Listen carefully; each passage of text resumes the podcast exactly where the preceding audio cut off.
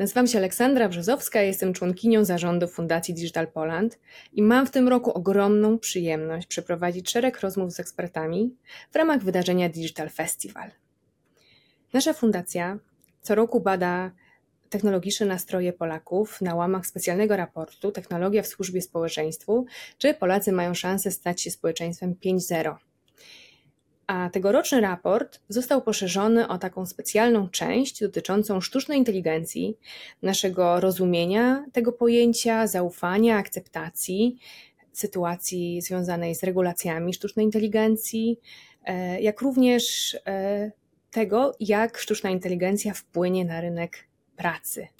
A ze mną dzisiaj w studiu Michał Grzegorzewski z Fujitsu Polska. Cześć Michał.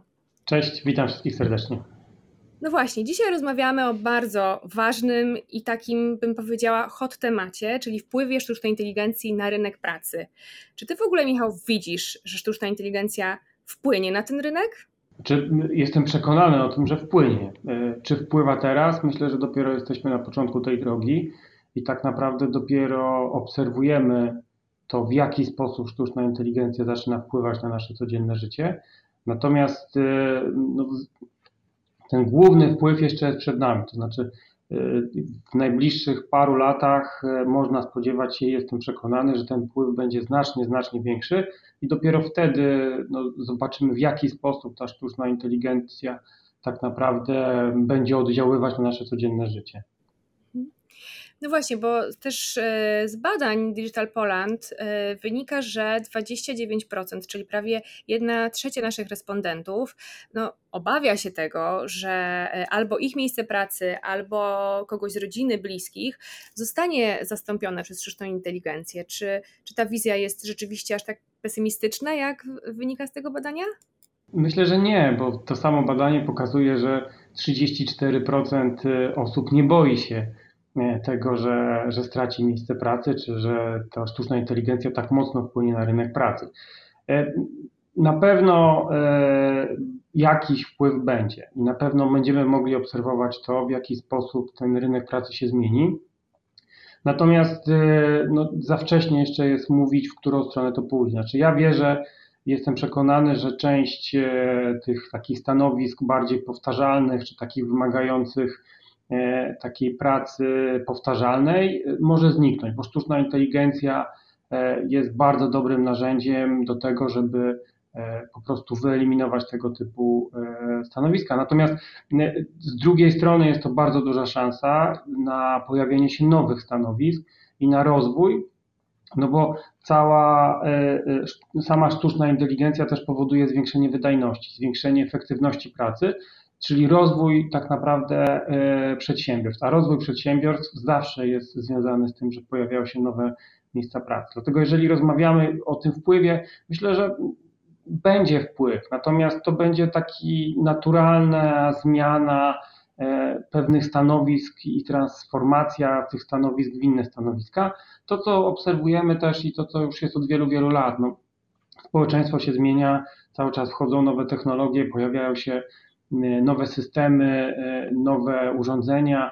Mieliśmy erę automatyzacji i wprowadzania robotów y, do, do przedsiębiorstw i do produkcji.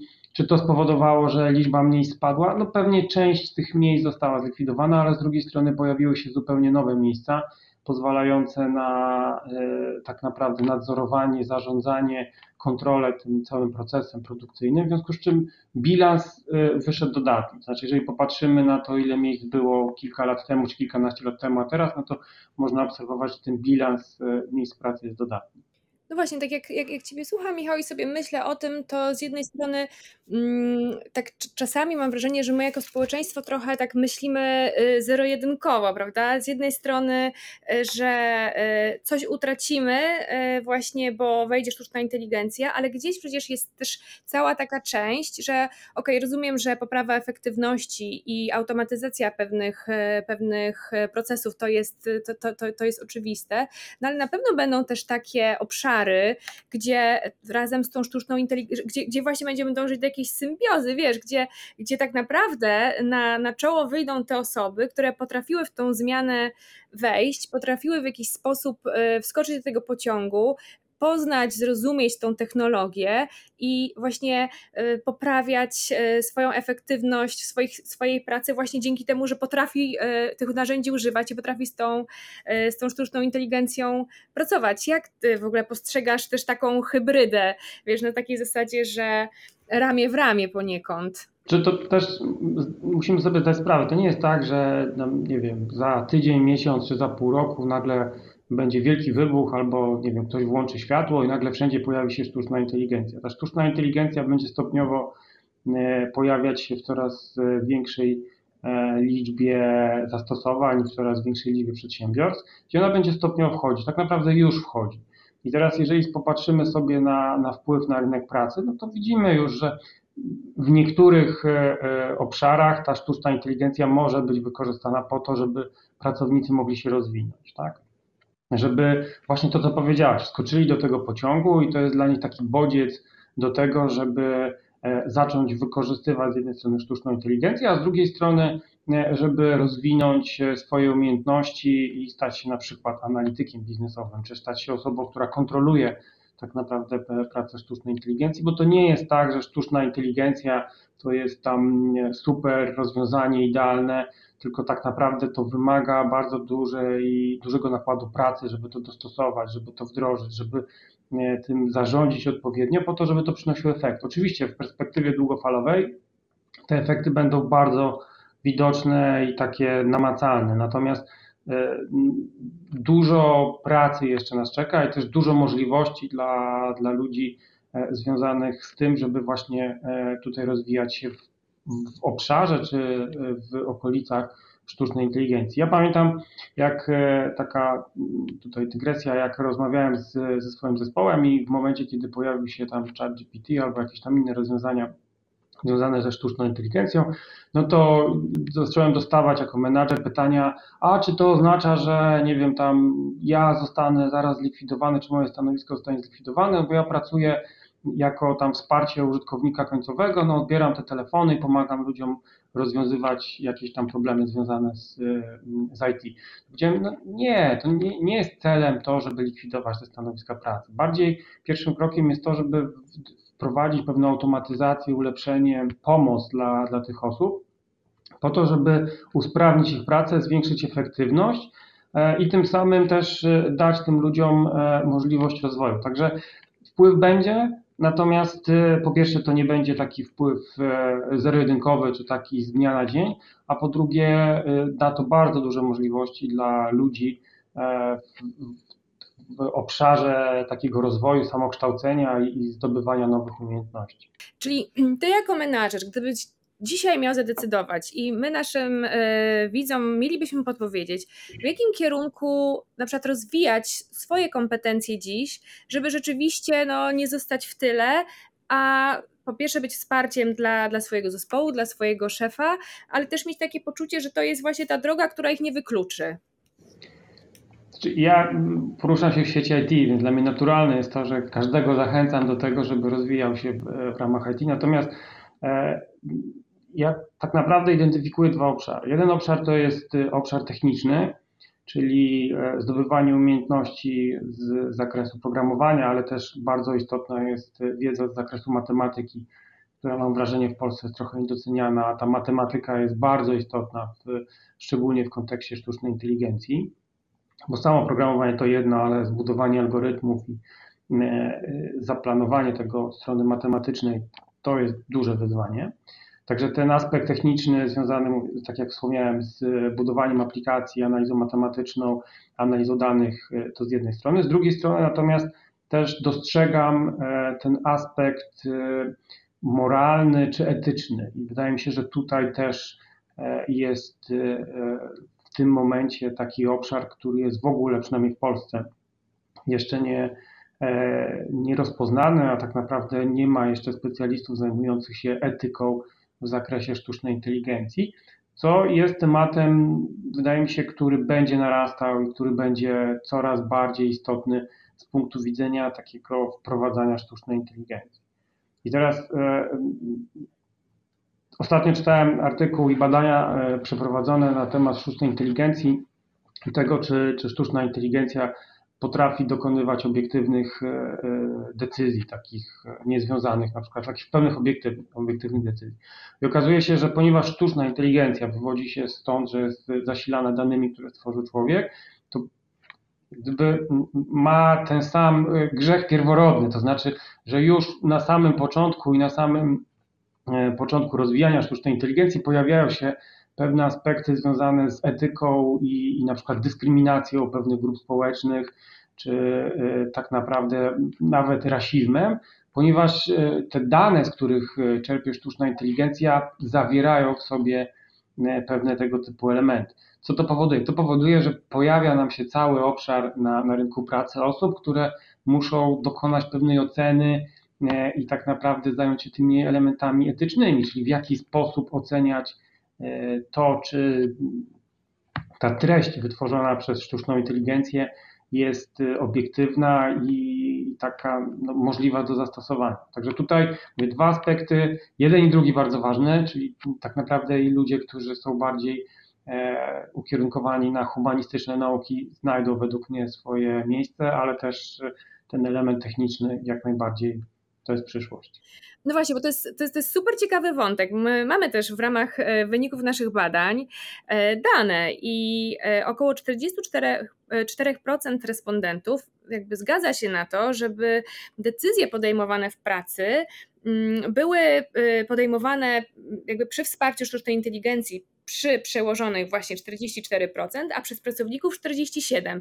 I dla mnie to jest bardzo ciekawe w kontekście tych wszystkich e, uprzedzeń, różnych naleciałości, do problemów etycznych, ale też związanych takich właśnie z wykluczeniem. Wszystko, co powiedziałeś, Michał, że na koniec dnia. E, pytanie, czy my, wiesz, zgodzimy się na to, żeby sztuczna inteligencja podejmowała decyzje, wiesz, o naszym awansie, o zwolnieniu, e, o przyjęciu do pracy, bo to już się dzieje, prawda? To już są mechanizmy, już są pierwsze e, roboty, które odsiewają, prawda? E, taką, takie CV, więc mm, to jest bardzo ciekawe, że z jednej strony to już się dzieje, z drugiej strony ten aspekt takiego mm, no nie wiem, braku wpływu człowieka na pewne decyzje tutaj jest super ciekawy.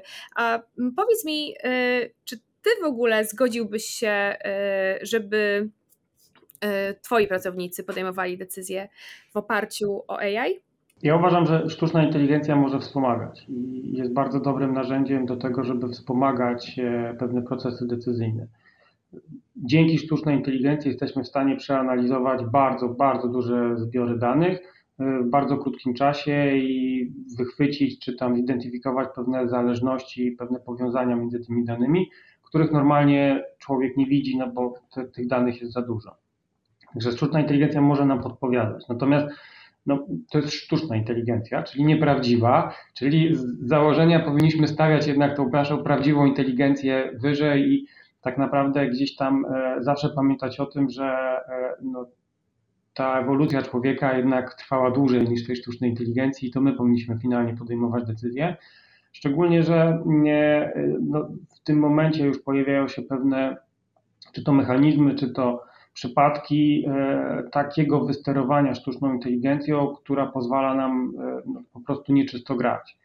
I, I, są już, e, już teraz można zaobserwować sytuacje takie, że przez odpowiednie zmanipulowanie sztucznej inteligencji możemy osiągnąć pewne cele. To mogą być zarówno cele związane na przykład z kradzieżą pieniędzy, ale też możemy wpływać w ten sposób na na decyzje ludzi, na, na wybory w niektórych państwach. No, są namacalne przykłady tego, że dzięki sztucznej inteligencji, dzięki robotyzacji możemy e, osiągać swoje korzyści, co nie jest tak stuprocentowo etyczne. W związku z czym to nie jest tak, że sztuczna inteligencja jest odpowiedzią na wszystkie, na całe zło na tym świecie, tylko sztuczna inteligencja może nas wspomagać i powinna nas wspomagać, bo zapewnia nam możliwość rozwoju, osiągania kolejnych e, takich celów, które sobie wyznaczamy, zwiększa efektywność, natomiast nie zastępuje, i przynajmniej na razie, i mam nadzieję, że nigdy tak nie będzie, że nie zastąpi tego, że to człowiek decyduje e, finalnie o tym, co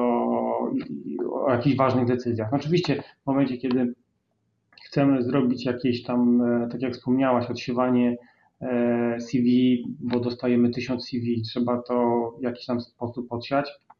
okej, okay, możemy rozmawiać, czy to jest etyczne, czy to nie jest etyczne, że automat y, y, dokonuje pewnych decyzji, natomiast no, gdzieś tam dalej to jest tylko z pierwszy etap, a potem jest ten proces, jest to, to, ta rozmowa i na końcu powinna być decyzja jednak już człowieka, no bo to jednak jest prawdziwa inteligencja.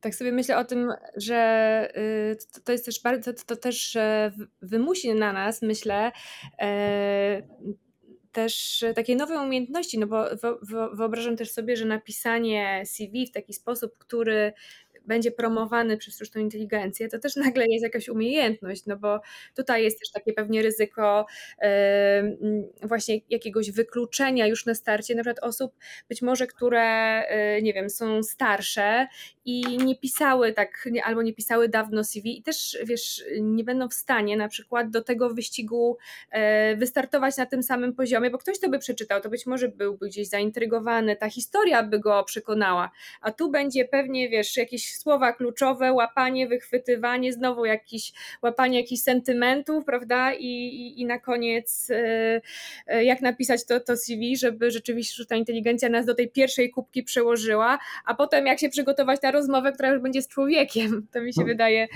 tak, oczywiście, ciekawe. natomiast też y, miejmy świadomość, że jeżeli teraz będziemy podejmować decyzje tylko w oparciu o sztuczną inteligencję, to teraz okaże się, że, no bo ludzie jednak mają dosyć dużą inteligencję i okaże się, że wszyscy korzystają, albo 95% korzysta z tych y, samych narzędzi i oczywiście mamy problem i, i to jest taki dylemat, w jaki sposób nie wykluczać tych osób, y, które nie potrafią korzystać, natomiast potem te wszystkie CV będą wyglądać tak samo co też spowoduje, że no, no, nie mają wartości, tak? No bo w przypadkach procesów rekrutacyjnych nie chodzi nam o to, żeby wszystkie CV wyglądały dokładnie tak samo i były skoncentrowane na tych samych słowach kluczowych i były robione tak no, od stempla przez sztuczną inteligencję.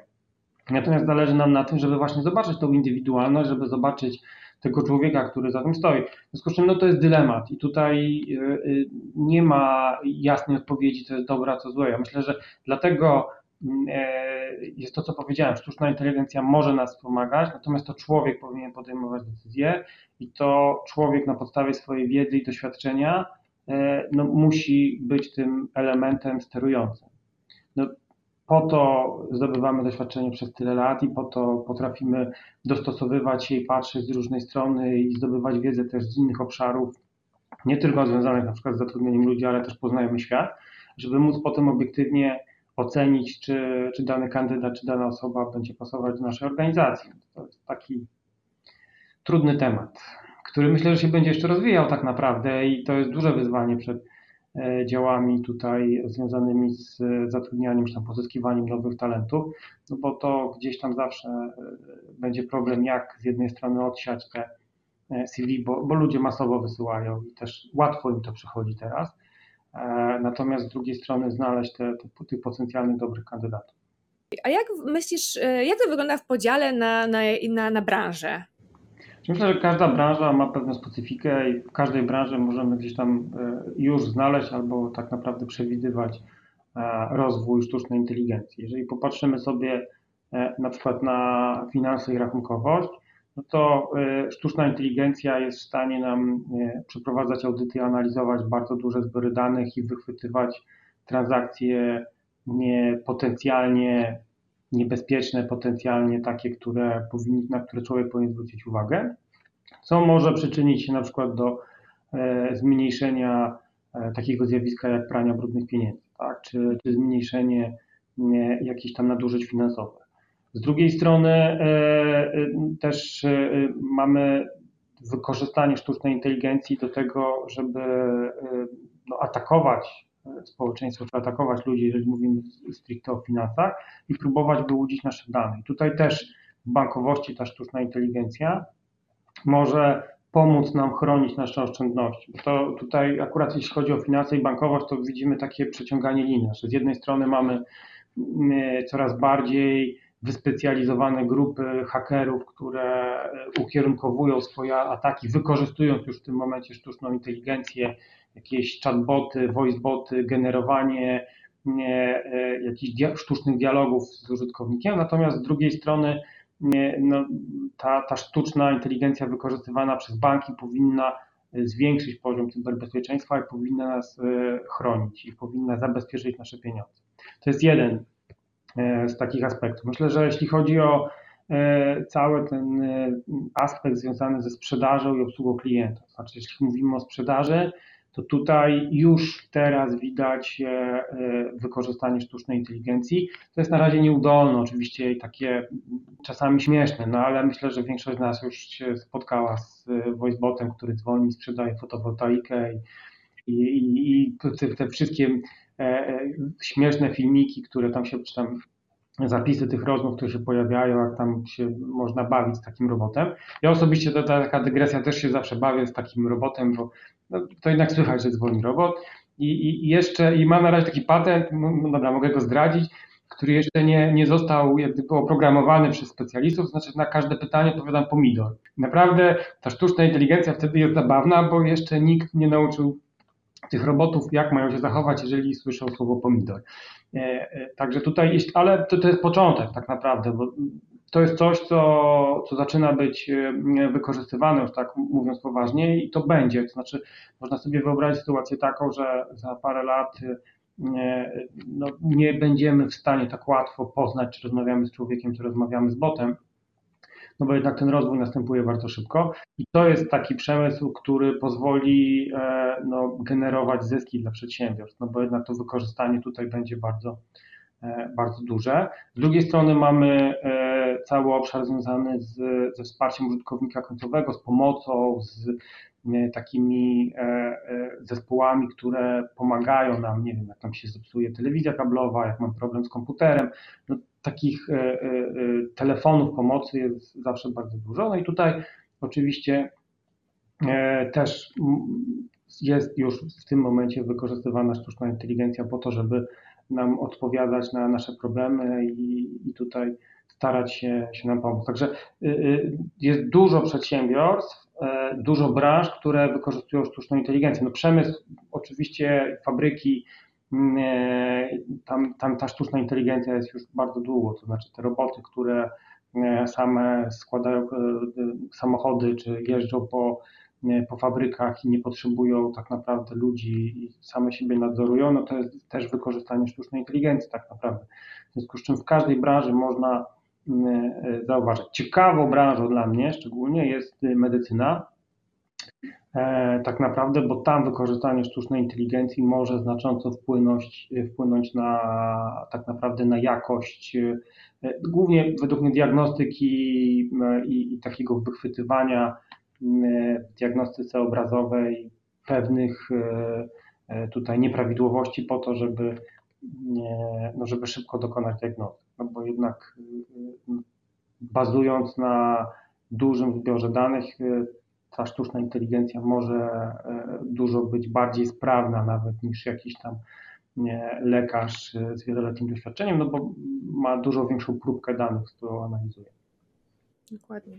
Nie ma emocji też w pewnym sensie, mhm. prawda? Nie jest zmęczona, nie, nie ma chorego dziecka, tak. nie ma, nie wiem, nie brakuje, kaca. Nie brakuje. Nie, tak, więc, więc e, wydaje mi się, że tutaj to jest też taki obszar, gdzie ta współpraca człowieka, gdzie jest ten taki zdrowy rozsądek jednak, albo jakaś intuicja z, z, z, ze sztuczną inteligencją lub wręcz robotem, który, któremu się ręka nie zatrzęsie, e, no to, to też ma ogromną przyszłość. Pytanie tylko, jak pacjenci e, będą reagować, prawda? Na... Pacjenci będą reagować, a z drugiej strony tutaj znowu mamy zagadnienie takie etyczne, czyli czy, no bo sztuczna inteligencja działa analizując bardzo duże zbiory danych, no więc czy my jesteśmy gotowi już na to, żeby oddać nasze e, wyniki badań i, i nasze tutaj takie dane medyczne, często wrażliwe, czy jesteśmy w stanie oddać je po to, żeby sztuczna inteligencja wykorzystywała je do tego, żeby pomagać innym ludziom. No,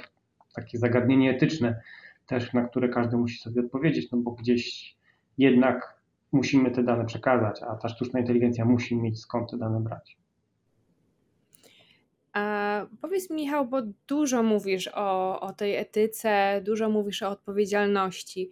A ty jako lider, jako lider w swojej firmie, lider zespołu, jak myślisz, jakie ty kompetencje, co jest szczególnie ważne z perspektywy dzisiaj szefów, dyrektorów, właścicieli firmy, takim jakby wdrażaniu, ale też oswajaniu ludzi. Wiesz, jakie cechy przywódcze byś powiedział, że dzisiaj są istotne przy, y, no, przy prowadzeniu sztucznej inteligencji do firm? Ja myślę, że e, najważniejsze to jest otwartość na zmiany i e, takie umiejętność dostosowania się. Znaczy my nie wiemy, w którą stronę pójdzie ta sztuczna inteligencja. Oczywiście dzisiaj rozmawiamy, że pójdzie w tą stronę, w tamtą, że tutaj widać pewne trendy. Natomiast y, tak naprawdę no, musimy się też dostosować e, jako menadżerowie i jako organizacja do, do tego, w jaki sposób wykorzystać tą sztuczną inteligencję, nie zapominając o tym, że no jednak człowiek jest najważniejszy i gdzieś tam trzeba dbać e, i o rozwój człowieka, i e, o ten balans pomiędzy pracą a, a życiem prywatnym. W związku z czym no, te umiejętności są istotne z punktu widzenia menedżerskiego z punktu widzenia pracownika, myślę, że istotne jest to, żeby ci pracownicy byli otwarci na zmianę i żeby chcieli się uczyć i że to, że dzisiaj pracują na stanowisku, które być może w przyszłości będzie w jakimś tam stopniu ograniczone, to nie powoduje, że one są, te osoby są jakieś gorsze czy jakoś mniej wartościowe dla, dla organizacji. To jest jakiś etap i teraz wszystko zależy od człowieka. Jeżeli człowiek potrafi pójść do przodu, potrafi się rozwijać, potrafi zdobywać nowe, nowe umiejętności, no to ma szansę rozwoju i nie powinien się obawiać ani sztucznej inteligencji, ani innej technologii. Technologia była z nami, jest i będzie, i teraz musimy ją w odpowiedni sposób po prostu wykorzystać, po to, żeby móc iść dalej. A jeżeli ktoś no, nie chce, no to, no to okej, okay, no to dobra, no to wtedy trzeba będzie pewnie zastanowić się, w którą stronę tam pokierować daną osobę. Także otwartość, gotowość na zmiany, myślę, że to są takie kluczowe elementy, o których dzisiaj nie możemy zapominać. Pięknie powiedziane, Michał, a, ale powiedz, e, a jak Fujitsu w takim razie dostosowuje swoją kulturę organizacyjną do tego, co powiedziałeś? No, my jako y, wielka międzynarodowa organizacja z korzeniami japońskimi E, z jednej strony stawiamy na nowoczesność i stawiamy na ciągły rozwój, jeśli chodzi o e, innowacje i tworzenie nowej technologii, nowych rozwiązań. Z drugiej strony zawsze mówiliśmy i cały czas powtarzamy, że człowiek jest w sercu i w środku i wszystko powinno być wokół, wokół człowieka. I tak samo postępujemy w naszej organizacji. Znaczy, mamy nowe rozwiązania, nowoczesne systemy, technologie, E, natomiast y, y, zawsze człowieka stawiamy na, e, w środku, czy to jest nasz klient, czy to jest nasz pracownik, i wokół tego staramy się dostosować to środowisko do tego, żeby ten człowiek mógł się rozwijać. I tutaj, jeżeli pytasz się, e, jak my adoptujemy sztuczną inteligencję albo jak się przygotowujemy na sztuczną inteligencję, no to to jest to, co powiedziałem, to znaczy my staramy się tym ludziom pokazać e, drogę, w którą, którą mogą obrać, żeby rozwijać swoje umiejętności poprzez szkolenia, poprzez e, budowanie pewnych kompetencji, a z drugiej strony staramy się, e, aby ci ludzie sami wyznaczali sobie pewne wyzwania i starali się je osiągnąć, no bo wierzymy w to, że jeżeli ktoś postawi sobie pewne wyzwanie i wierzy w to wyzwanie i jak gdyby jest przekonany, że może to osiągnąć, no to jest w stanie dużo więcej, być dużo bardziej efektywny, dużo, nie chcę powiedzieć bardziej przydatny dla organizacji, no bo to nie o to chodzi, ale gdzieś tam zawsze jest ta, ta efektywność w organizacji jako e, element istotny. Natomiast rozwój człowieka jest kluczowy, bo to, to znaczy ludzie tworzą organizacje, my cały czas to powtarzamy. Nie, nie da się e, e, zbudować organizacji, nie da się realizować dużych projektów bez dobrego zespołu, bez ludzi. I teraz ci ludzie muszą być zaangażowani. Nie, oni nie mogą widzieć zagrożenia, szczególnie, że my jako firma wdrażamy sztuczną inteligencję. I teraz, gdyby nasi pracownicy bali się, że sztuczna inteligencja może wpłynąć na ich miejsca pracy, że zlikwiduje ich miejsca pracy albo spowoduje, że nie będą potrzebni, no to nie, to nie byliby zmotywowani do tego, żeby pracować. W związku z czym my musimy tak poprowadzić tych ludzi, żeby oni widzieli sens z jednej strony w y, wdrażaniu sztucznej inteligencji, a z drugiej strony w to, żeby się rozwijać. Myślę, że to jest kluczem do tego, żeby, mm, żeby tam przystosowywać się i być gotowy na to, co nas czeka, no bo ta ewolucja gdzieś tam już się zaczęła tak naprawdę i ta sztuczna inteligencja będzie się tutaj rozpychać. Nawet nie wiemy tak naprawdę dzisiaj, że już korzystamy z tej, często z tej sztucznej inteligencji, a, a w perspektywie kilku lat ona będzie już w większości e, aspektów naszego życia. Ja sobie zapamiętałam, drodzy Państwo, z tego co powiedział e, Michał, trzy takie obszary. Z jednej strony ogromna chęć rozwoju, taki, takie uczenie się przez całe życie, czyli nastawienie, w którym właśnie e, to, to, to nie jest skończony etap, tylko każde doświadczenie, każda sytuacja trudna albo mniej trudna nas rzeczywiście rozwija. Z drugiej strony e, otwartość, czyli ciekawość też w, w pewnym sensie na to, co przynosi nam ta nowa technologia, co przynosi nam każdy dzień obcowania z tą technologią. I bardzo ważne, e, mówię to na końcu, żeby to podkreślić, ale zapisałam sobie to jako pierwsze, sens, czyli poczucie e, tego, że to, co robimy, to w jaki sposób wprowadzamy e, sztuczną inteligencję do naszej pracy, rzeczywiście ma sens, ma konkretny cel, wiemy po co to robimy i na koniec dnia ma to e, nam służyć e, i służyć naszej pracy i e, służyć polepszeniu jakości naszego życia. Michał, ja Ci bardzo dziękuję za dzisiejszą rozmowę. Dziękuję bardzo. A Państwa zapraszam na stronę Digital Festival i na zapoznanie się z raportem.